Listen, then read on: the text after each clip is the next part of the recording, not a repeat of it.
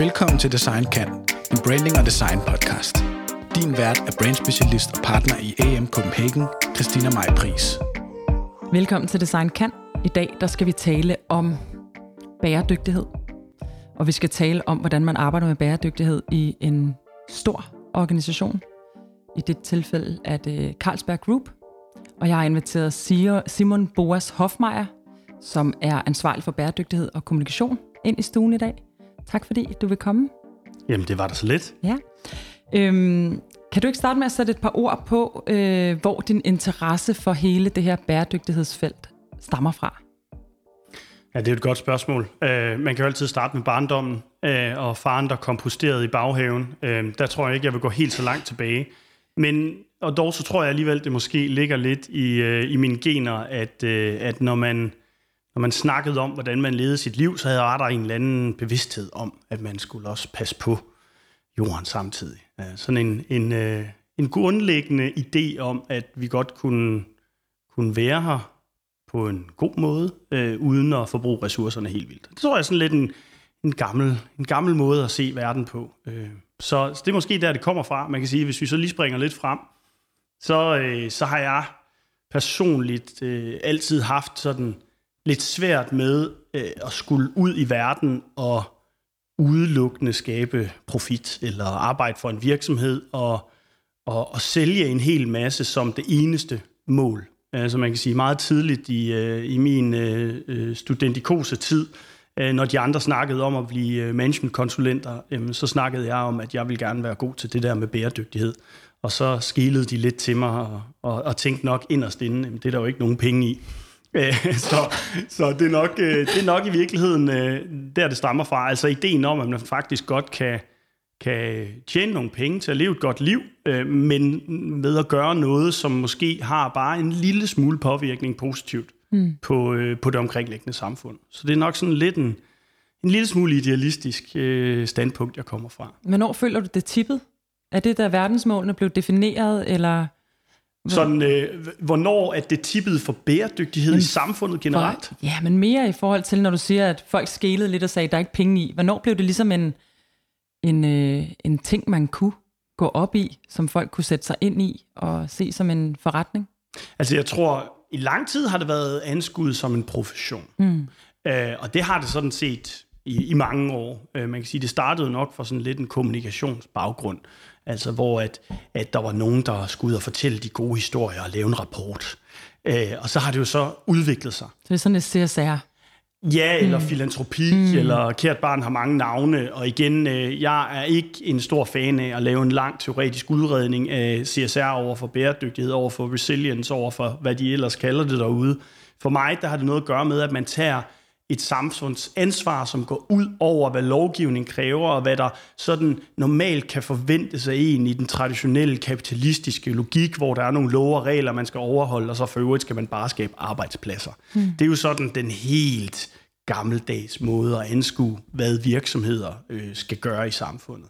Så alt, hvad der går ud over det, altså hvor man, hvor man ja, det bedste udtryk, det er at sige, at man tager et øget samfundsansvar. Mm. Det er for mig, hvad bæredygtighed øh, indebærer, og hvad det indebærer at, at gøre noget, som er above and beyond, hvad der ellers kan forventes.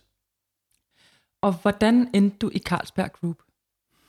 Øh, jamen, men det var jo så øh, ud fra den her idé om, at jeg gerne ville lave noget, som ikke var at være managementkonsulent. Øh, alt det her respekt for managementkonsulenter, mm. de gør et super godt stykke arbejde men øh, det var måske ikke lige for mig. Så øh, jeg var ude hos Anne-Marie Skov, da hun var ansvarlig for kommunikation øh, helt tilbage i 2006, øh, og, og snakkede med hende omkring Carlsberg og arbejdede med, øh, med CSR, øh, og, og blev i den øh, sammenhæng øh, sådan set øh, ansat og har så arbejdet i forskellige funktioner øh, undervejs derude, øh, men har siden 2015 så været ansvarlig for for bæredygtighedsområdet, og også øh, for sociale medier, vores gruppe sociale medier, og, øh, øh, og vores brand PR-aktiviteter, hvor vi hjælper vores brands øh, med at, at få deres budskaber mere ud.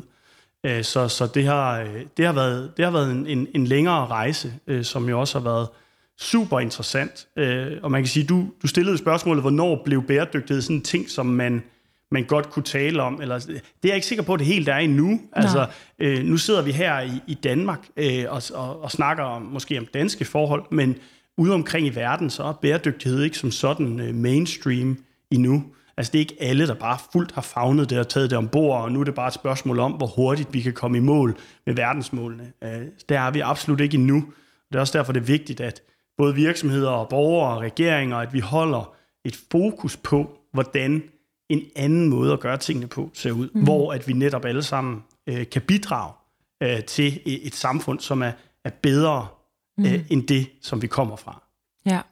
Ja, for den kunne vi egentlig lige starte med allerede nu. Det har vi talt lidt om, da mikrofonerne ikke var tændt endnu. Men det her med, at der måske også er mange, der, nu taler vi Danmark, men der er også mange, der er måske lidt bange for at træde ind og begynde at udtrykke noget omkring bæredygtighed, fordi alt ikke er perfekt. Fordi alt i forretningen ligesom ikke er bæredygtigt, eller kædeansvaret ikke er helt på plads. Eller, altså så er der sådan en eller anden øh, nulfejlskultur til, at så tør, vi ikke, øh, så tør vi ikke tale om det. Det havde du en ret god holdning til. Jo, men man kan sige, at øh, bæredygtighed øh, er jo i dybest set et forandringsprojekt. Det har noget at gøre med at gøre tingene anderledes i morgen, end vi gjorde det i går.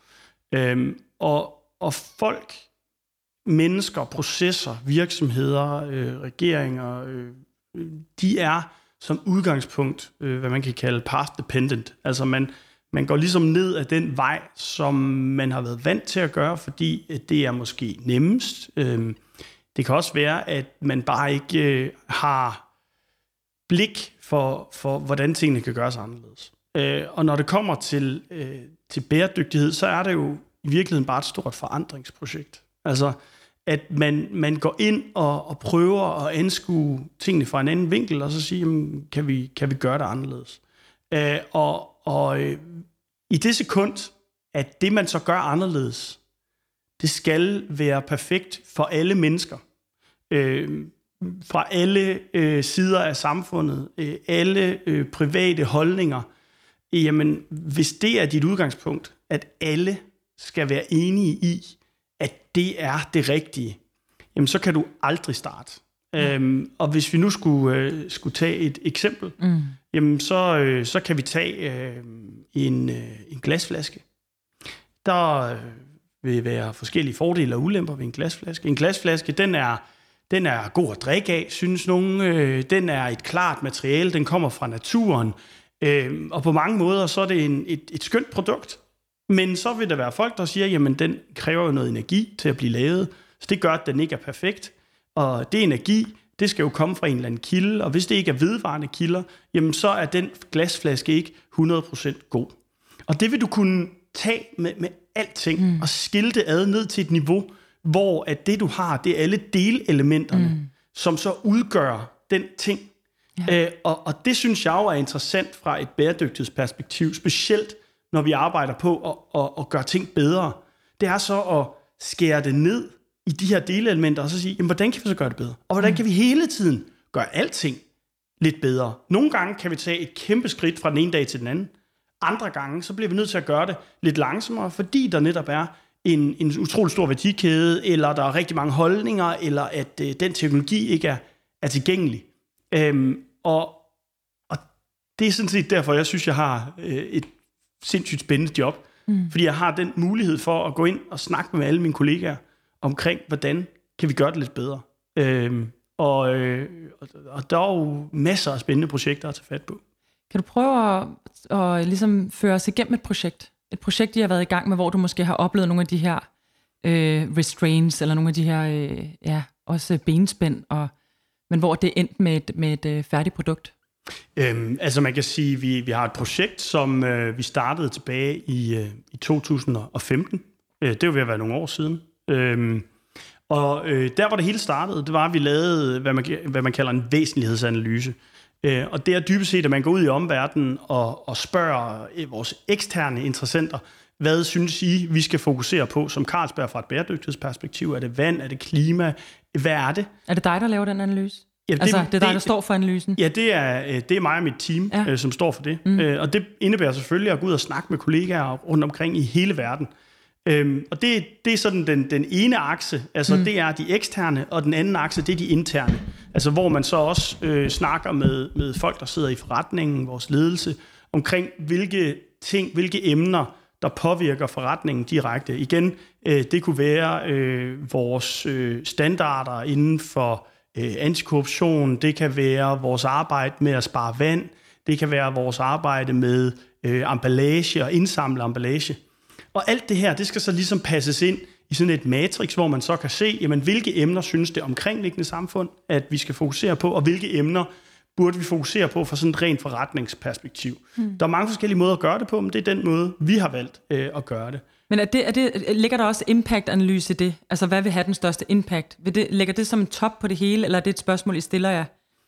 Jamen, man kan sige, hvor det, den lander det, på det, ligger, øh, det ligger måske i virkeligheden implicit, fordi når man siger, at noget væsentligt, eller er noget relevant for jer, hmm. jamen, så ligger der også en impact-måling i det. Okay. Øh, og igen, en, øh, at lave en væsentlighedsanalyse, det er lige del øh, videnskab og lige del kunst. Ja. Så der er ikke sådan en ensrettet måde at gøre det på. Men det er jo klart, at når vi ser på, hvilke emner vi så kommer frem til, jamen så ligger der øh, en impact ligger som mm. en kæmpe del af de emner. Øh, og det vi kom frem til, jamen det var jo, at øh, klimadagsordenen er sindssygt vigtig for os.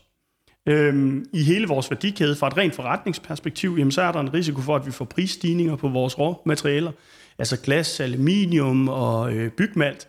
Øh, men på den anden vinkel, så har vi også en, en, øh, en positiv vinkel, der siger, jamen, vi skal jo opnå Paris-aftalen. Det vil sige, at der kommer til at være nogle forbrugere derude, som gerne vil have nogle produkter, som har et lavere klimaaftryk. Så hvordan kan vi rent faktisk bruge det her som en, en positiv måde at gå ud og endda tjene nogle flere penge på, ved at være mest øh, bæredygtige, eller i det her tilfælde at have nogle øh, øh produkter med et lavt klimaaftryk. Og igen, der, der er jo altid en positiv og negativ vinkel på alle emner, man diskuterer på mm. bæredygtighed. Og det er også derfor, man kan sige, at vi, vi siger, at vores væsentlighedsanalyse, den skal gerne vise, hvor vi har den største negative påvirkning, og hvor vi kan have den største positive.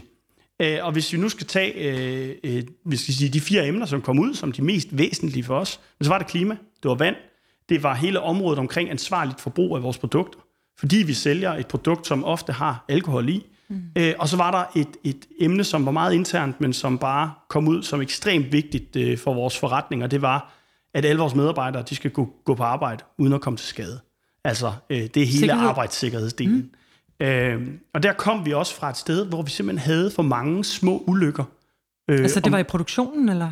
Jamen i produktionen og i vores logistik, øh, også på kontorerne. Altså hvis man ikke har en, en god øh, måde at øh, kultur for arbejdssikkerhed, jamen så er der en større risiko for, at man tager sin laptop og en brændende kop kaffe og løber ned ad trappen, ikke? og ikke holder i, i, øh, i, i the rail. Altså det, og det, det er jo meget små ting. Der er ikke nogen tvivl om, at, at selvfølgelig er produktion og logistik langt vigtigere.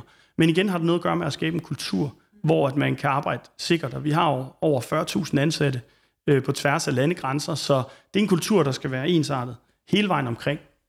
Øh, men altså ved at starte med den her væsentlighed og se på de emner, jamen, så kunne vi også se en masse underpunkter. Øh, og ud fra et klimaperspektiv, så lavede vi det, man kalder en scope 3-analyse af hele vores værdikæde. Og det er meget fagnørdet, men det betyder dybest set, at vi i forhold til det, der hedder The Greenhouse Gas Protocol, vurderede vores samlede, samlede værdikæde CO2-aftryk. Øhm, lige fra leverandører til vores øh, afgrøder, til øh, recycling af vores produkter, altså alt. Øh, og det er en ret stor analyse, øh, og det tager øh, et godt stykke tid. Øh, så den laver vi kun hver tredje år, fordi at vi ligesom ikke kan sidde og indsamle alt den her data hele tiden. Det ændrer sig heller ikke så markant Altså ikke, ikke når man ser på de store procenter. Men man kan sige, at et, et CO2-aftryk af et produkt ændrer sig jo, hvis du bare ændrer en leverandør. Så det vil sige, hvis du i stedet for at transportere en, en dåse 100 meter, øh, transporterer den 200 meter, før den kommer ind på bryggeriet, jamen så vil den CO2-aftryk have ændret sig. Mm. Så, øh, så i de store tal, nej, så ændrer det sig ikke signifikant. Øhm, og der kunne vi for eksempel se, at øh, 40% af vores totale CO2 kom fra emballage. Øh, 14% kom fra bryggerierne selv. Så det vil sige, den elektricitet og den energi, det krævede at brygge øllet og putte det på flasker mm. eller dåser. Så det var 14 procent. Øh, og, og man kan sige, det, det som vi så brugte det til, det var at sige, okay, jamen hvis klimapåvirkningen er 40 procent fra emballage, så er det nok emballage, vi skal putte et ekstra fokus på. Mm. Fordi at der kan man sige, øh, der kan vi få mest CO2 for pengene. hvis man skal tænke på det sådan. Mm. Men også fordi, at emballage er noget, som ender hjemme hos forbrugerne, i forbrugernes hænder. Så vi må tænke hele kæden ind. Øhm, og, og det var øh, altså en ekstremt vigtig øh, viden at have, at det var ligesom der meget af vores CO2 stammede fra. Samtidig der så vi også, at forbrugerne de efterspurgte konkrete løsninger. De ville mm. bare gerne have, at virksomhederne tog sig af det for dem, så at sige. Så det vil sige, tilbyde mig et mere bæredygtigt øh, lav CO2-produkt, så skal jeg nok købe det. Det var sådan dybest set det, øh, de sagde øh, i, i den her analyse. Øh, og for øvrigt, så synes de også, at det der med, at noget var biobaseret, det var ret interessant. Ja. Og nu ved jeg godt, det var en meget lang intro til et enkelt produkt, øh, men der startede vi så faktisk en afsøgning efter nogen, der kunne hjælpe os med at lave en flaske, mm. lavet af, af papirfiber, eller det vi kalder the green fiber bottle. Mm. Øhm, og nu var det øh, så hverken værre eller bedre, end at, at øh, nogle gange har man også lov at være heldig, at der kom en, en, øh, en virksomhed til os, der hed EQX Pack, der sagde, vi har en rigtig skør idé, øh, vi har ikke al teknologien, men vi har en vision, og vi har en, en, et basispatent på noget, vi mener kunne blive fedt. Og det var faktisk at lave flasker af træfibre. Og det var sådan fire måneder senere, at de kom til os og sagde, kunne det være interessant? Øh, og, og, øh, og det var jo næsten øh, for godt til at være sandt, kan man sige. Øh, og øh, og øh, vi, vi valgte jo meget hurtigt at sige, at det er jo altså det er noget, vi skal se på. Vi kan se, at der er en efterspørgsel. Vi kan se, at der ikke er et lignende produkt på markedet. Øh, så det er noget, vi gerne vil, vil begynde at arbejde med. Og det skal jo lige siges her, at det er jo ikke øh, sådan mig fra bæredygtighed, der sidder og trækker i trådene og, og, og bestemmer alt. Nej, nej. Overhovedet ikke. Det her, det er jo øh, kollegaer fra innovation, fra udvikling, fra vores supply chain, som alle sammen kommer sammen og siger, at det her, det, det her det er noget, vi gerne vil arbejde med. Vi, vi kunne så også se, at det var mega svært ja. at lave. Har I industriel design internt? Øh, så når I skal til at bruge det her materiale og lave flasken, Hvordan, hvad gør I så? Hvem allierer jeg med for at lave designet af sådan en flaske? Jamen altså, man kan sige, det er jo øh, først, vi har dygtige kollegaer internt, der okay. sidder og arbejder med innovationsproces, men ofte der øh, bruger vi enten leverandørens øh, capabilities ja. eller design, eller også så har vi byråer, som hjælper okay. os med det. Men, men designprocessen øh, i sin sådan rene designdel, den mm. er øh, meget senere. Ja, fordi okay. vi skulle starte med at have teknologi på plads. Klar, altså, der, der, der, der var ikke teknologi til at kunne lave en flaske, der kunne have øl i. Nej. Øhm, og vi kunne også se, at vi ikke ville kunne lave den, hvis vi gjorde det sådan, som vi plejede. Og når jeg siger sådan, som vi plejede, så er det jo lidt groft sagt, at man øh, laver et projekt internt, øh, så får man nogle leverandører ombord, og så underskriver man nogle non-disclosure agreements, øh, og så arbejder man på noget, indtil man viser det til offentligheden. Ja. Øhm, her der var det så komplekst, og det var så svært, og det var sådan en, en breakthrough innovation, at det, det troede vi ikke på ville kunne lykkes. Så faktisk der øh, gjorde vi det, at vi gik eksternt i øh, januar 15, hvor Flemming Besen Bakker, vores bestyrelsesformand, han stod nede i Davos øh, til World Economic Forum med det eneste, han havde, det var sådan den her shell, den her papir shell af en prototype flaske, hvor han sagde, jamen, det her det er et eksempel på, hvordan vi gerne vil lave emballage mere bæredygtig. Øhm, vi ved ikke, hvordan vi skal gøre det. Vi har kun et basalt patent med en lille virksomhed fra Danmark, men vi vil gerne invitere partnere fra hele verden til at komme så og hjælpe os. Så open source i virkeligheden? Det kunne man måske godt kalde det. Øhm, nu kan man så diskutere open source. Det er jo ikke vores patent, det er Nej, virksomhedens patent, ja. og de har et ejerskab over det. Så, så det er ikke sådan, at vi har men retten I, til I, at... Men I åbnede det øh, op? Vi, altså, vi, vi åbnede op og sagde, at vi har brug for hjælp. Ja, øh, og, øh, og den lille virksomhed har brug for hjælp, vi har brug for hjælp, men vi vil gerne gøre det sammen. Mm. Og hvis vi så spoler sådan lidt frem, jamen så her øh, sidste år i, i september, øh, der øh, var vi ude også og fortælle verden om en update på det her projekt, øh, hvor at der var to store virksomheder, øh, en, øh, en skovbrugsvirksomhed fra Sverige, der hed Billedet Korsnes, det er svært at sige, men øh, øh, øh det, de hedder Billerud Korsnes, ja. Og, øh, det lyder ikke særlig svensk. nej, men det, jamen, det er det faktisk. De har sådan o umlaut og det hele. Ah, okay. øh, og en østrisk virksomhed, der hed Alpla, mm. som havde øh, lavet et nyt joint venture, hvor de havde købt den her lille virksomhed, vi startede med at arbejde sammen med for, for i 2015, og nu lavet et nyt selskab, der hed The Paper Bottle Company, som skulle lave øh, papirflasker. Og det er sådan set øh, lige præcis det, der var vores vision dengang, det var at sige, at vi skal have nogle folk, som Kloge har de rigtige, der går sammen. de mm. rigtige kompetencer, den rigtige værdikæde, som kan komme sammen med os og hjælpe med at lave det. Øhm, Og, og det er jo et eksempel på, hvor man virkelig radikalt er gået til værks, men også hvor det tager tid. Ja. Altså, hvis, hvis jeg skulle være øh, en, øh, en ekstern, der sidder og, og ser på det her udefra, så ville jeg sige, men I sagde det jo i 15. Hvorfor, mm. hvorfor, er, øh, hvorfor er der ikke kommet videre? Og det er simpelthen bare fordi, der var ikke teknologi til rådighed, der var ikke kompetencer, der var ikke de rigtige folk. Og, og det tager bare tid at lave noget, som er helt, helt anderledes. Ja. Øh, men, øh, men nu er vi kommet et stykke af vejen, og vi kommer til at, at teste den nye flaske øh, i sådan en prototype øh, version. Igen, vi har stadigvæk ikke den færdige industrialiserede version. Øh, men nu ligger det hos det her nye firma, Paboco, og skalerer det. Og få de, at få, i stedet for tusinder af flasker, så skal vi have millioner af flasker. Øhm. Og I, ikke, I har ikke ejerskab, Carlsberg Group har ikke ejerskab af det her selskab. Altså det er to forskellige ting, som I ligesom bare, I har lavet en kontrakt omkring det produkt, der bliver lavet her, og det bliver udviklet til jer. Eller, ja. Altså så på den måde, okay. Så I er simpelthen med til også at skabe, ja, åbne op for nye virksomheder og nye samarbejder. Og Ja, man kan sige, det er jo, det er jo en ret uh, interessant vekselvirkning imellem store og, og, og mindre virksomheder, ja. fordi at, at uh, ved at man er, er Carlsberg, uh, så har man også øh, nogle, øh, nogle kompetencer internt. Altså, hvordan skal man netop designe en flaske? Hvornår er en flaske god? Hvad er det for nogle ting, den skal kunne leve op til, for at vores produkt har høj kvalitet? Og det ved sådan nogle små virksomheder, der starter op, det ved de ikke. Øh, og det kan vi hjælpe med. Ja. Vi kan også hjælpe med at sige, hvornår mener vi fra et bæredygtighedsperspektiv, at det her produkt vil være interessant for en forbruger.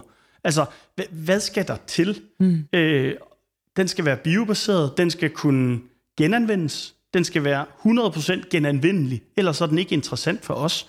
Altså, øh, det hjælper ikke, at vi laver sådan et eller andet mix, som så i sidste ende øh, kun kan brændes af. Altså, der er alle mulige elementer, hvor vi så hjælper hinanden ja. med at definere, hvordan ser det rigtige produkt ud. Øh, og der er det jo klart, at, øh, at, at man som en, en stor virksomhed ved at sige, jamen hvis I laver det her produkt, mm. så vil vi gerne købe det. Mm så skaber man en sikkerhed også for investorerne øh, om, at, at det her produkt vil have gang på jord, når det engang kommer på hylden. Der er jo en kæmpe, som jeg jo tænker, der er rigtig mange, der ikke vil tænke over, når man taler om sådan et produkt der. Altså apropos det der med, hvad der foregår i alle faser af sådan en øh, produktcyklus, ikke? så er der jo hele pantdelen, som vi jo går og tager lidt for givet herhjemme, som jo er sindssygt øh, system.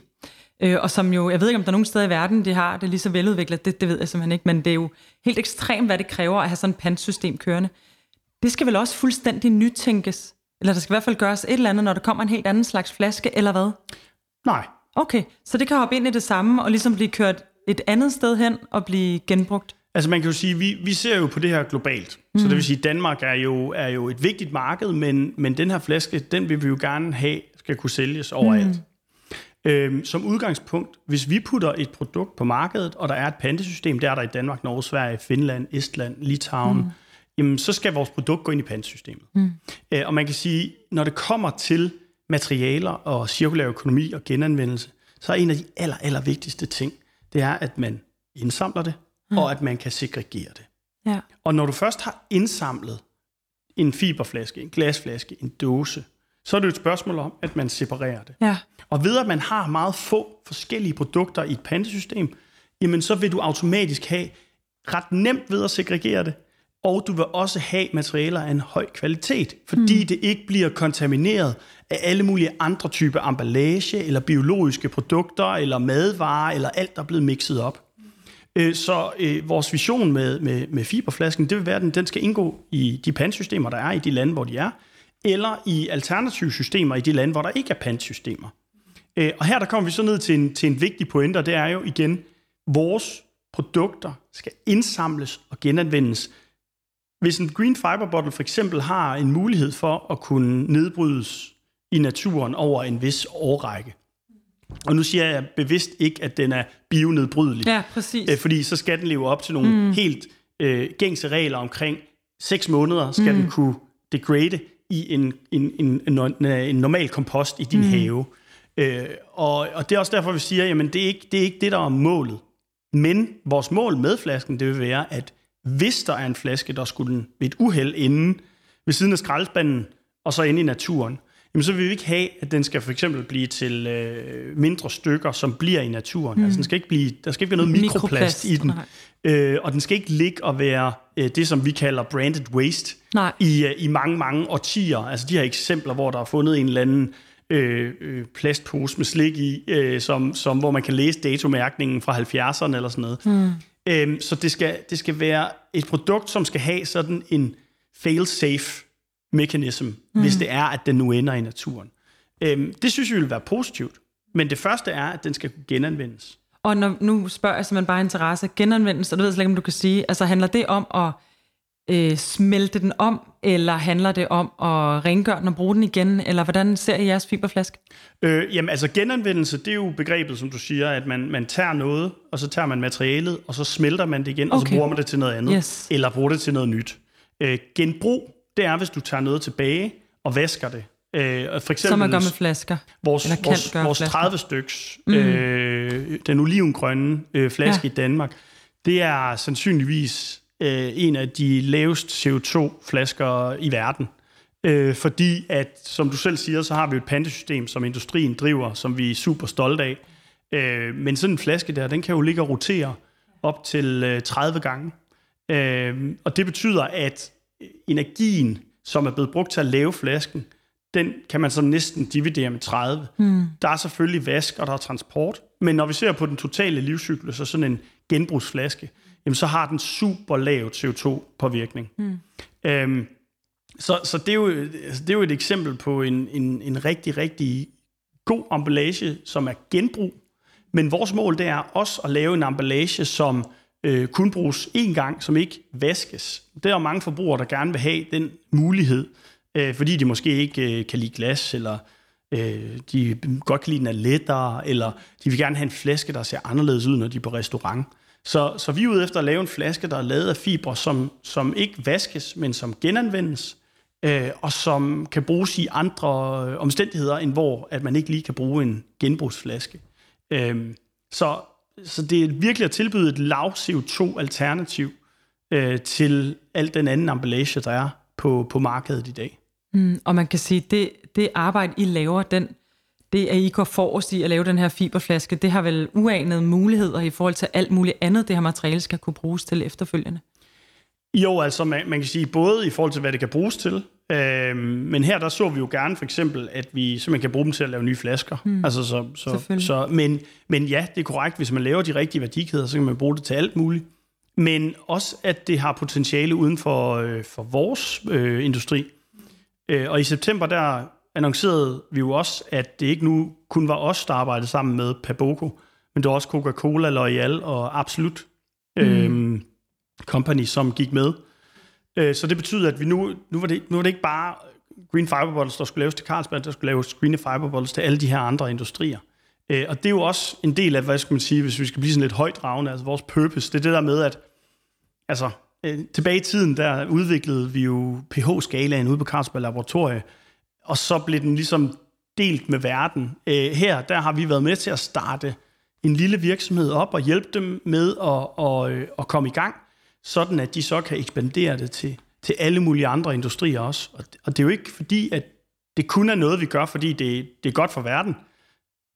Det er også fordi, at hvis der er skala på, jamen, og der er flere, der køber det, så kommer prisen til at falde, og det vil sige, at et bæredygtigt produkt så bliver billigere at producere, og derved kan vi tilbyde det til flere.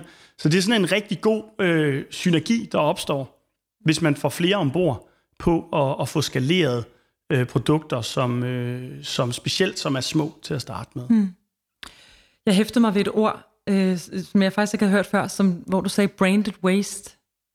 Øhm, jeg synes jo, det er interessant. Jeg ved slet ikke, om det er derfor, det har fået det ord, men jeg synes jo, det er interessant, det skifte, der i hvert fald er sket øh, herhjemme med, at vi differencierer mellem, hvad der er forurening og hvad der er klimaforandringer. Og der er stadig mange, der ligesom kærer lidt rundt i det, ikke? Altså, der er stadig mange, der ligesom har følelsen af, når de ser en strand med plastik på, så er det det, der ligesom er problemet. Altså, det er ligesom, fordi det er det fysiske problem, vi har liggende lige der. Er det sådan noget i den analyse, I laver hver tredje år, som også har en del af det. Altså, hvor meget er Carlsberg gældende på den strand? Hvor meget tror folk så? Hvilke assumptions har folk så for, hvor meget de forurener i verden? Forstår du, hvad jeg mener? Ja, man kan sige... Fordi det er branded waste. Men, men, men øh, der er ikke mange ting her i verden, der ikke kan omsættes til CO2-påvirkning. Og hvis du ser helt isoleret på det, du snakker om der, så er det jo øh, noget, som ikke er blevet genanvendt, eller som ikke er endt op i et øh, affaldshåndteringssystem. Og når det ikke ender der, så får du en højere CO2-påvirkning, fordi du ikke får fordelen af genanvendelses. Mm. Så det vil sige, når du ser på sådan en livscyklusanalyse, så vil det bare betyde, hvis man ser på det rent faktuelt, så vil det betyde en let højere mm. CO2-påvirkning, som er øh, øh, sket, fordi at det ikke er blevet genanvendt. Mm. Men, men når vi ser på, hvad bæredygtig emballage er, og hvornår noget er bæredygtigt, så ser vi både på den der øh, kvantitative, meget sådan videnskabelige tilgang, hvor vi kan sige, at vi kan sætte øh, to tal, og så to streger under, og så kan vi sammenligne dem, og, og så ved vi, om den ene har højere CO2-påvirkning end den anden. Men så ser vi også på den mere øh, kvalitative, altså hvordan er opfattelsen af det her produkt? Øh, har den en større risiko for netop at ende op som branded waste, fordi at øh, folk ikke putter den i skraldespanden, eller, eller hvad er det? Så vi mm. ser på altså vi ser på begge dele. Mm. Øh, og, og et godt eksempel på noget, vi har, vi har udviklet som et resultat af den mere kvalitative, det er, at vi, vi har udviklet en ny slags øh, trykfarve mm. til vores øh, labels og til vores, øh, vores papæsker, som er Cradle to Cradle certificeret. Øhm, vi har jo et, et trykkeri her i Danmark, som arbejder med Cradle to Cradle, også øh, øh KLS Pureprint, som arbejder med det på alle mulige andre produkter. Men vi udviklede det sammen med en leverandør til vores specifikke produkter. Og, og grunden til, at vi gør det, det er ikke fordi, at, at trygt farve har den største klimapåvirkning. Det er faktisk næsten overhovedet ikke synligt i vores store CO2-regnskab.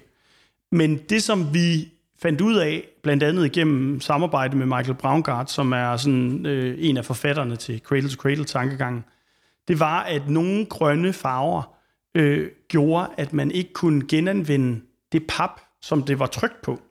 Fordi at det indeholdte forskellige øh, komponenter, som gjorde, at det ikke kunne genanvendes. Og så endte man med, at der var en, en delstrøm i, fra genanvendelsen, som ikke kunne genanvendes. Og det var simpelthen bare på grund af den der lille bitte smule trykfarve, der så var lagt på den pap. Og det er, det er et eksempel, hvor det ikke bonger ud i det store CO2-regnskab, men det var noget, som vi simpelthen ikke synes var godt nok. Ah. Øh, og så vi udviklede farven sammen med leverandøren, og så kan de her leverandører, der nu har den, faktisk tilbyde den til alle vores konkurrenter også. Mm. Øh, og det er det, vi kalder green og green. Mm. Øhm, fordi det specielt var den, var den grønne farve, som vi havde, vi havde fokus på, men vi har så også udviklet den på alle mulige andre farver. Øh, igen, det er sådan et, et eksempel på en, øh, en, en måde, hvor vi tænker anderledes over mm. vores, vores påvirkning, og så sammen med nogen udvikler noget, der så kan komme andre til gode mm. også. Øh, og, og det synes jeg er en super fed måde at arbejde på, mm. og det er en måde, som måske også kendetegner øh, også i Carlsberg lidt, øh, at der er lidt den der øh, lidt anderledes mentalitet, fordi vi er fondsejet. Vi er jo sådan en sjov blanding af en fondsejet og en børsnoteret virksomhed, så vi har både de lange og de korte briller mm. på samtidig, kan man sige. Øh, og, øh, og det gør, at, at der måske er lidt højere til loftet til at, til at udvikle sådan nogle ting her, og så øh, ligesom give slip på dem mm. øh, i stedet for at, at forsøge at holde dem for Besæt selv. Til kroppen, ja. øhm, Øhm, arbejder jeg også med i de her sådan, cykluser, arbejder jeg også med adfærdsdesign, fordi nu, jeg ved ikke, om du, du kom jo lidt ind på det, men lige så snart man laver et produkt, som er lavet af en fiberflaske, eller i det hele taget, når man ser øh, bæredygtige produkter komme frem, der kan folk også have en, en øh, opfattelse af, at det lige præcis kan smides i naturen, og de, de fleste kigger måske ikke lige bag på og siger, nå okay, det tager 25 år, øh, fordi det er det genanvendelige, der gør det bæredygtigt.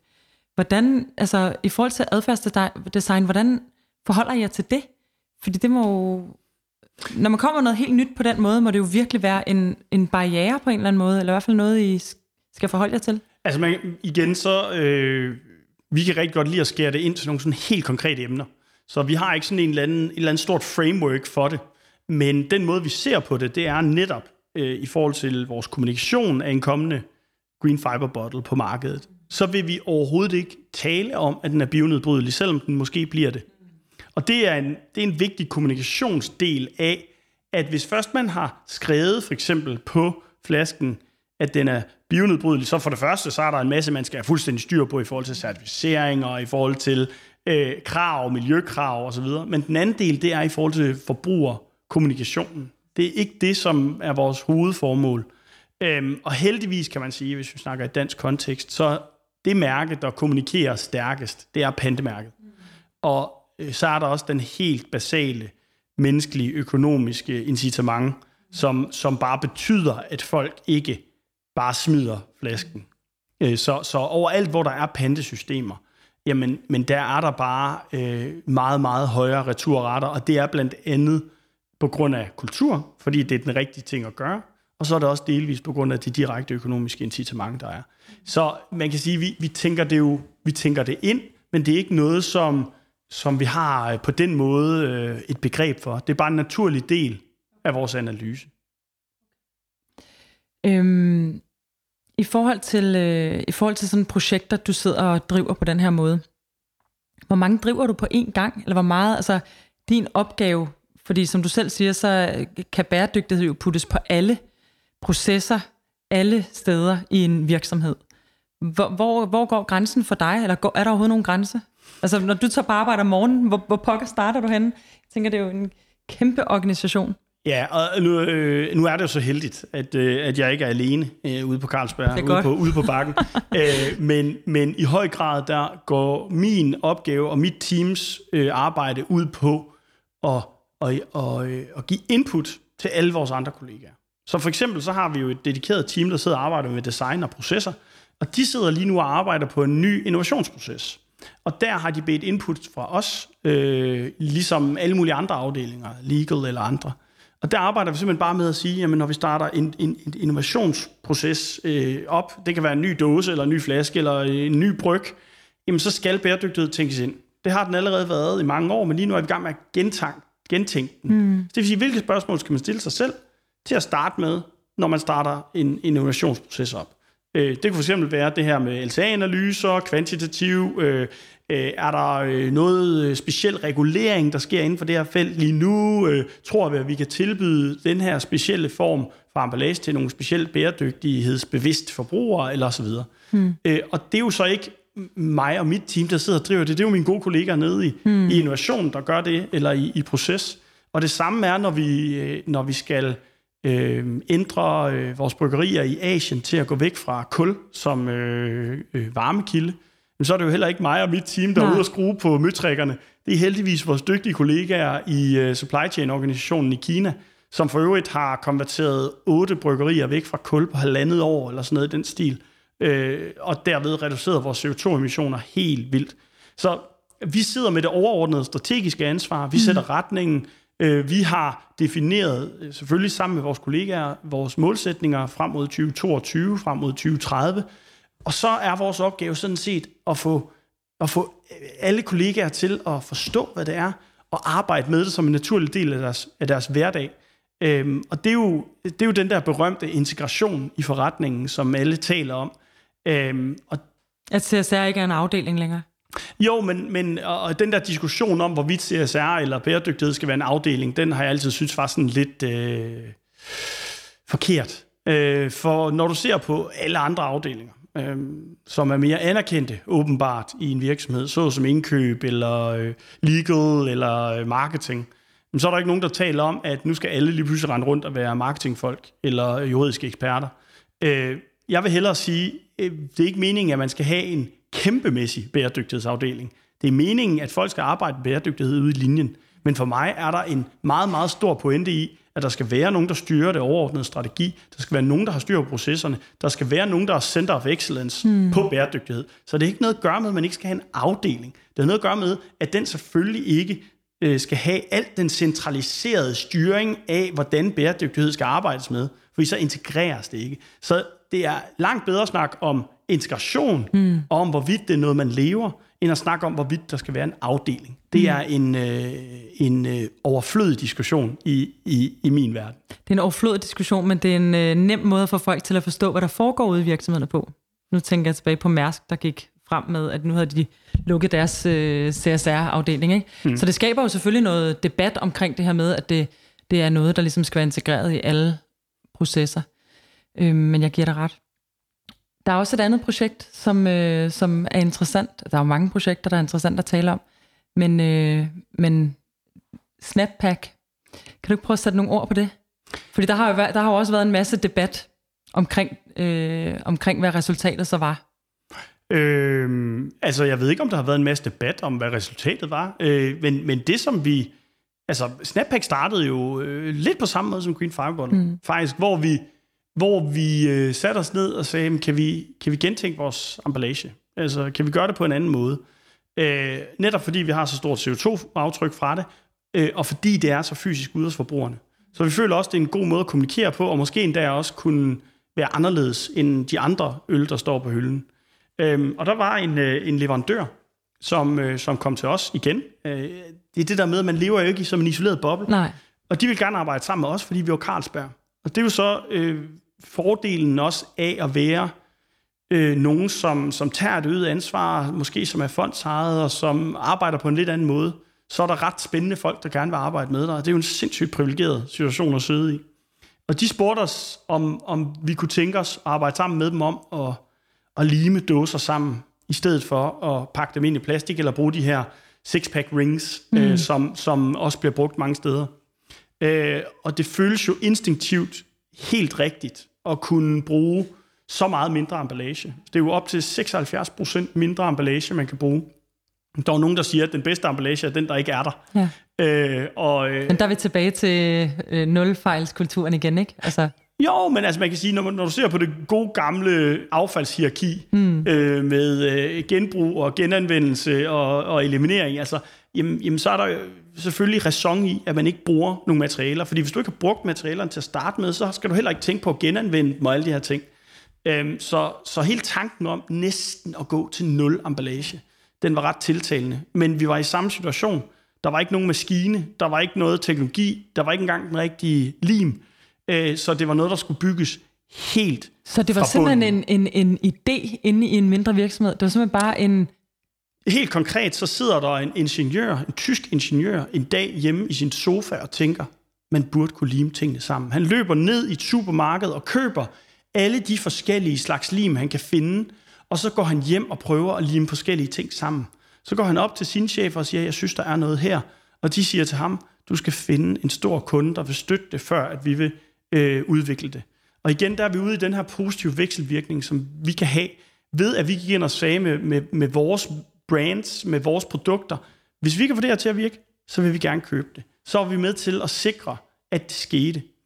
Øh, og igen, så er det jo en vekselvirkning, hvor vores dygtige folk i innovation og udvikling, vi har jo haft uendeligt mange diskussioner, samtaler, udviklinger. Vi var nede hos en lille bitte prototypemaskine, de første gang lavede, og se, hvordan at det nærmest skete manuelt med en maskine, der sådan satte små klatter af lim, og så holdt dem sammen, til at vi så øh, fire år senere kunne stå og se på en maskine, der kunne køre 42.000 sixpacks ud i timen øh, på den her maskine. En 30 meter lang maskine, der var implementeret på vores linje, der kørte på industriel skala på bryggeriet. Altså, det er en fuldstændig vanvittig, enormt lang rejse. Og, og når man laver noget, som er så nyt og anderledes, så er det jo klart, at det heller ikke er perfekt fra dag et. Så vi, vi har hele tiden tweaked, så har vi udviklet en lille smule, så har vi gjort det lidt bedre. Og igen, det er jo tilbage til den der idé om, at hvis man tror, at man skal lave noget, der er øh, helt anderledes, og det er perfekt fra dag et, så kan man sætte sig tilbage og aldrig gøre noget og sidde på sine mm. hænder. Øhm, men hvis man kaster sig ud i det, jamen, så kan man rent faktisk ende med, med et produkt, som, øh, som bare er, er anderledes og mere bæredygtigt, og jeg synes også, at det, nu er jeg sådan en lille smule farvet, jeg synes også, det er meget, jeg synes, det er meget smukkere på hylden. Altså, det er dåsen, der står frem. Du ser ikke på plastik, du ser ikke på six-pack rings, du ser bare på dåsen. Og det giver os jo også nogle muligheder sådan rent marketingmæssigt med, at man kan lave sådan en, en billboard-effekt, hvor man ligesom kan skrive ting på tværs af dåserne. Fordi man kan øh, styre deres vinkel. Og... Man kan styre vinkelen, ikke? Øhm, og det var for øvrigt en af delprojekterne i projektet, det var, at vi skulle have sådan et optisk kamera på, der tog 3.000 billeder i sekundet for at sikre, at de blev vendt rigtigt alle sammen, øh, når de kom ud. Øh, det, det tog et års tid at lave den. Øh, vi, kunne have været, vi kunne nok have været på, på markedet før, hvis vi ikke havde krævet det af leverandøren. Men det sagde vi, vi, vi bliver simpelthen nødt til at have orienteret dåser øh, på linjen. Ikke? Fordi det lige pludselig bliver et samlet produkt at se på. Lige præcis. Mm. Ja, så, øh, så i forhold til øh, øh diskussionen om, om det er godt nok, jamen der gik vi jo ud, før vi lancerede og snakkede med øh, WWF, vi snakkede med Plastic Change, fordi at vi vil gerne sikre os, at vi ikke skabte et nyt problem. Og for eksempel, der havde vi jo diskussionen om, jamen øh, hvis nu, at, at den her lim, den ender i naturen, vil fuglene så spise det? at dø af det. Altså, det var en helt reel ja, diskussion, ja. vi havde. Øhm, og der gik vi så ind og så på, jamen, jamen for eksempel øh, tyggummi. Er der problemer med, at tyggummi bliver spist af fugle, sådan at de, at de dør af det? Og det var der ikke. Og så, så lavede vi jo så en, en, en, en naturlig slutning øh, sammen med vores partner, der hvor vi sagde, okay, men hvis det ikke er et problem her, så er det nok ikke her, men vi kommer til at monitorere det. Hmm. Og nu kan man sige, nu er vi jo halvandet år, to år inden i lanceringen af Snappack, og vi har endnu ikke hørt om en, om en fugl, som er blevet skadet af vores produkt. Øh, men igen, det er jo et eksempel på, hvor man måske kan trække på smilebåndet, men det er den verden, vi lever i som virksomhed. Det er, at vi skal have tænkt øh, tingene helt igennem, så godt som vi nu kan. Og hvis vi finder ud af, at der er noget, som ikke er, som det skal være, så ændrer vi det. Mm. Og, og igen, det synes jeg er det vigtigste. Uanset om som man er privatperson, eller man er virksomhed, eller man er, man er offentlig ansat, at man hele tiden er villig til at lære og, og, og gøre tingene anderledes, jamen så skal vi nok, mm. så skal vi nok kunne rykke os alle sammen sammen. Er det en del af, jeg kender nok godt svaret, ikke? men er det en del af jeres øh, hvad kan man sige, virksomhedsprofil, at når I udvikler sådan noget her, så skal det gives fri til, at alle kan hoppe med på det, fuldstændig ligesom med fiberflasken. Nu siger du med, med um, Absolut Vodka og alle mulige andre kommer med. Altså er det, er det igen en del af strategien, at I ikke ligesom tager det ind og siger, vi producerer det in-house, og så har vi det, men I faktisk giver det fri? Man kan sige, det er jo... Øh det er jo både lige dele, hvor vi kommer fra med I.C. Jacobsen, mm. og der jo også gav øh, gæren ud til alle verdens bryggere. Man siger jo, at 95% af verdens pilsner og lagerøl indeholder Carlsberg gær. Øh, okay. Øh, fordi han stod op på Valby Bakke og gav det ud, øh, fordi at vi var de første, der, der stabiliserede gæren, så man kunne få den ensartede kvalitet. Så der er noget sådan rent historiemæssigt, der, hvor det kommer fra, men, men så er der også noget rent strukturelt. Altså, øh, vi er ikke interesseret i at blive en emballagevirksomhed. Nej. Altså, så det vil sige rent strategisk, var fra, som, som ikke nødvendigvis har noget med bæredygtighed at gøre, jamen der siger vi, jamen det er jo ikke vores interesse at gå ud og købe altså en vertikal integration af glas og aluminium og fiberflasker og hvad det ellers er. Der er det meget bedre, at det er leverandører, der tager sig af det. Og i tilfældet Snappack, jamen der er det, vi har ikke nogen øh, patent eller rettighed over Snappack. Vi har udviklet det sammen med, med leverandøren, men de kan sælge det til hvem som helst. Så hvem som helst der gerne vil kunne lime dåser sammen, de kan ringe til den her virksomhed og sige, jeg vil gerne have en maskine, hvornår kan I levere den? Og så er det ren markedskraft. Øh, og det er jo det samme med fiberflasken. Det er det samme med den øh, trykfarve, vi lavede. Det er det samme med et produkt, vi har udviklet sammen med en, en anden leverandør, hvor vi bruger genbrugs, øh, eller genanvendt plast i den shrink, som vi så har rundt om de store, større forpakninger. Jamen, det kan de også sælge til alle vores konkurrenter, efter vi har udviklet det sammen. Vi vil gerne være først. Vi har lagt noget tid og energi og, mm. og penge i det, så vi vil gerne være først. Men, men så kan det ligesom øh, uddeles. Og ja, der er måske en del af, øh, hvem vi er i Carlsberg, øh, men øh, det giver bare god mening mm. for os, at det, at det er sådan, vi gør det. Både fra strukturelt og fra sådan et samfundsmæssigt perspektiv. Nu, nu hæftede jeg mig lidt ved, at du sagde, at der var fire øh, store learnings fra jeres analyse, I lavede sidst. Og en af dem var ansvarlig brug af jeres produkt. Kan du prøve at sætte lidt ord på det? Fordi umiddelbart vil jeg jo ikke tænke, at det lå direkte i forlængelse af bæredygtighedsagendaen. Handler det om brugen af alkohol, at man kan risikere at blive alkoholiker, eller handler det om, øh, at man kan komme til skade på jeres produkter? Eller, altså, prøv at sætte lidt ord på, øh, på, på den flanke. Jamen, der er ikke nogen tvivl om, at når du ser på den største potentielt negative påvirkning, vi kan have inden for det felt, så er det jo, hvis folk misbruger vores mm. produkter. Og ved at misbruge, så er det, at man ikke nyder det i moderation, som vi kalder det. Mm. Altså at man lever op til de regler, der er øh, i den pågældende sundhed, sundhedsmyndighed, at man ikke drikker alkohol, før man øh, har den rigtige alder, at man ikke drikker alkohol, hvis man er gravid. Der er alle de her situationer, mm. hvor at alkohol ikke skal nydes.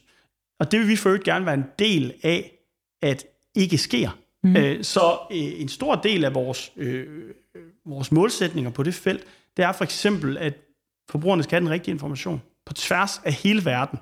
Øh, og nu giver det sig selv, når man sidder i Danmark, at man selvfølgelig ikke skal, skal øh, køre bil, efter man har drukket to øl.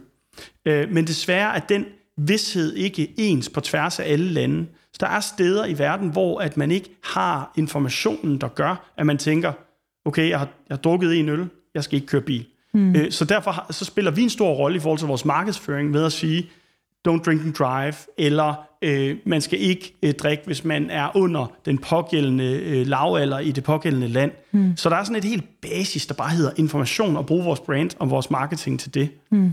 Så kan man sige, at der er en mere øh, positiv, øh, sådan lidt den der opportunity-vinkel, Og det er for eksempel en kategori som alkoholfri øl. Mm. Øhm, og der har vi også i vores bæredygtighedsprogram sagt, at vi vil gerne have, at hvis der er en, en, en salg af en øl med alkohol, og det er en, en signifikant kunde, altså en stor supermarkedskæde eller andet, så skal de også sælge et alkoholfri ølprodukt. Og det øh, er blandt andet øh, fra et, øh, et bæredygtighedsperspektiv. Vi vil gerne sikre, at folk har en mulighed for at kunne få smagen af øl og følelsen af øl, men uden at få alkoholen. Det kunne være for eksempel til fredagsbarn, hvis du er kørt på arbejde. Men hvordan bruger du bæredygtighedskoncept, eller ordet der? Bare sådan, så du lige enlighter mig. Men det er jo, når, når du ser på bæredygtighed, så snakker vi jo om, hvilke emner, som har en signifikant mm. samfundspåvirkning. Yes. Og det kan enten være positivt eller yes. negativt. Og der kan man sige, på den negative del, mm. det er hvis folk misbruger vores produkter, Selvfølgelig. så har man en negativ påvirkning på samfundet. Den positive, det er, hvis vi kan være med til at lave nogle produkter. Så det er samfundspåvirkning. Som, yes. Ja, lige præcis. Mm. Det er, I forhold til samfundspåvirkning. Ikke? Og det er jo det, vi kalder vores bæredygtighedsagenda. Ja. Igen, øh, kært barn har, har mange ja, ja. navne. Øhm, men, men så vi kan også se, at alkoholfrie produkter, de kan blive brugt til at eliminere nogle af de her risikosituationer. Mm. Altså som nævnt ved fredagsbarn. Ja. Hvis du kørt på arbejde, så kan du stadig få øh, den kollegiale følelse. Mm. Det er fredag, vi åbner en øl, og for øvrigt, der smager de mega godt i dag. Mm. Altså, hvis du går ned og, og, og prøver en af vores, vores Nordic, eller den nye Tuber 0, eller den, vi har udviklet sammen med Brooklyn, øh, mm. som hedder Special Effects, så smager alkoholfri øl godt i dag. Mm. Og der er en stor barriere, som, som vi skal overmande der, i forhold til at få folk til at, at prøve det. Du kan øhm, kunne pushe lidt til vinindustrien også. Sådan, så det, ja, nu ved jeg ikke. Alkoholfri vin, det er ikke det helt store, det virker, hvad, det hvad jeg har hørt. Det er sgu ikke ramt men nu, Nej, men, men selvfølgelig er det jo et spørgsmål om at skabe en ny mm. kategori øh, og komme tilbage på frokostbordet. Mm. Noget helt basalt, som at få folk til at drikke en alkoholfri øl til frokost, i stedet for at drikke andre øh, ja. former for, for øh, drikke. Jamen det er jo også noget, som vi utrolig gerne vil fra et rent øh, øh, hvad skal man sige, forretningsperspektiv. Mm. Ikke? Så inden for hele det her med ansvarligt forbrug, jamen, så er der ligesom den her vekselvirkning imellem, hvor vi forsøger at minimere risiko og hjælpe samfundet med at, at, at nyde vores produkter på den bedst mulige måde, men så er der også den der lidt mere mulighedsdrevne vinkel, hvor vi siger, at vi vil gerne prøve at udvikle nogle nye produkter, som, som også taler mere til hele den her sundhedsagenda, som, som er i, i samfundet. Og der mener vi helt klart, at alkoholfri øl kan spille en, en rigtig god og, og stor rolle. Mm. Det er et stort spørgsmål, så du kan nok ikke svare på det med altså lige her, men hvad er, øh, hvad er bæredygtighedsstrategien for Carlsberg Group? Jamen øh, lige nu, øh, der er den defineret som øh, et, et program, der hedder Together Towards Zero. Og det er, øh, det er de fire områder. Så det er, okay. vi har fire ambitioner. Uh, zero carbon footprint, zero water waste, zero irresponsible drinking og en zero accidents culture. Så det er vores bæredygtighedsstrategi. For uh, de næste? For de næste, ja hvad er vi i? Vi er i 2020, så de næste 10 år. Vi lancerede okay. det i 2017, uh, og vi havde målpunkter frem mod 2022, for ligesom at sikre, at vi startede rejsen, og vi ikke bare ventede. Mm. Og så har vi mod 2030, hvor jo at vi får se, om prisaftalen er mulig at opnå, og for øvrigt SDG'erne, de løber jo frem mod øh, 2030. Så det føltes som et naturligt år for os at se frem imod. Øhm, så vi har helt konkrete målpunkter. Vi skal være ude af kul i 2022. Vi skal være gået over til 100% øh, vedvarende energi. Vi skal øh, have sikret, at alle vores produkter har den rigtige labeling om, omkring øh, ingredienser, om næringsindhold, om de her øh, markader med responsible drinking. Øh, vi skal have elimineret ulykker på arbejdspladserne på tværs af alle vores, øh, vores selskaber. Og der er rigtig, rigtig mange ting, som vi har opsat konkrete målepunkter på, og som vi så arbejder frem imod. Øhm, og alt det, det kan man selvfølgelig øh, gå ind og læse om på vores hjemmeside, carlsberggroup.com, mm. hvis, man er, hvis man er interesseret i at, og, øh, at læse mere om det. Mm. Øhm, men igen, det er jo, vi opsætter en målsætning, vi har nogle, nogle, øh, nogle ting, vi gerne vil opnå, men så justerer man det også hen ad vejen, og det gør vi blandt andet baseret på den her øh, væsentlighedsanalyse, som vi også foretager i år. Så kan det være, at vi tilføjer et nyt målepunkt øh, til, til næste år. Øh, så det der med hele tiden at justere den påvirkning, man har, og hvad man arbejder hen imod, det er også en del af det at arbejde med bæredygtighed. For, for en ting er sikkert, det er ikke en, det er ikke en statisk størrelse. Øh, og det, det er noget, som, øh, som udvikler sig hele tiden. Øh, og så måske tilbage til pointen om, at derfor er det for mig også nødvendigt, at man har nogle folk, der arbejder med, som er eksperter inden for det, og som kan hjælpe alle ens gode kollegaer omkring i forretningen med øh, bedre at håndtere det og omsætte det til noget, som er relevant for vores produkter. Mm. Man kan også sige, at Det at arbejde med bæredygtighed eksternt og komme ind i en virksomhed kræver utrolig meget at kunne blive sat ind i alle de processer og, øh, og arbejdsgange og sådan noget, der er i en virksomhed. Så det er vel vigtigt, selvfølgelig især når man er i den kaliber, I er i, men i det hele taget er det vigtigt at have kræfterne internt for at kunne forstå forretningen. Jo, men altså, øh, og igen det der med den der diskussion om, om hvorvidt man skal, man skal øh, hvordan man skal integrere det, ikke? Mm. Altså, og, og, øh, og der er nogle af tingene, man institutionaliserer ved at lave sådan nogle processer, som jeg mm. talte om, innovationsprocessen, og så er der andre ting, som bare opstår. Altså, hvor man, hvor man måske laver et nyt projekt, baseret på en, et samsurium af holdninger fra forskellige kollegaer. Altså igen, en stor virksomhed er jo bare opgjort af mennesker. Hmm. Det er jo det, det er uanset, om man er stor eller lille. Øh, og, og, og ofte med bæredygtighed, der synes jeg også bare, der opstår nye idéer og, og tanker og måder at gøre tingene på, ved at man har højt til loftet, og ved at man har en masse vilde eksperter i rummet. Altså mm. vi har folk, som ved alt om mm, øh, bygmaltens øh, genom. Øh, vi har folk, der ved alt om øh, CO2. Vi har folk, der ved alt om vandpåvirkning i samfundet. Og, og det privilegie, det er at arbejde med folk, der bare virkelig ved alt om, hvad det er, de arbejder med, det er sindssygt fedt. Og det er også der, hvor at, at man kan sige, magien opstår. Mm. Altså det er jo netop, når man får de her folk aktiveret, når man, får, når man får snakket med dem i den rigtige kontekst, og når man får det oversat til noget, til noget konkret. Altså vi har jo også øh, nogle postdocs øh, arbejdende, der hedder The Young Scientists, som er øh, unge, øh, ja, de så under 35, men unge mennesker med en Ph.D., som laver en postdoc hos os, hvor de kun arbejder med den langsigtede løsning af vores øh, bæredygtighedsambitioner. Så de sidder ikke og ser på, hvad vi skal gøre til næste år, men de sidder og ser på, hvordan når I i hus med at være CO2-neutral på jeres bryggerier i 2030. Så hvad for nogle teknologier skal der modnes, og hvor kan I implementere dem for eksempel? Øhm, så vi, vi har sådan en, en gruppe af ekstremt tekniske videnskabsmænd, mm. som også sidder og arbejder med, med, med bæredygtighedsagendaen.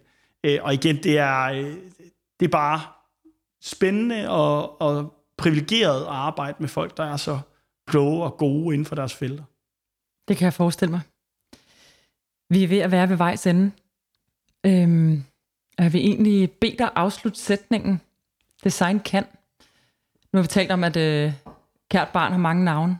Og det er jo i allerhøjeste grad designprocesser, I kører hele vejen internt, om man kalder det det ene eller det andet. Men hvad vil du, øh, hvad vil du afslutte sætningen med? Jeg vil nok sige, at øh, design kan hjælpe med at lave en bedre verden. Uh, og det tror jeg, at design kan, fordi at implicit i det at designe noget, så er det jo at tænke på, hvordan at det påvirker det fulde system. Og det er i høj grad det, man laver, når man arbejder med bæredygtighed.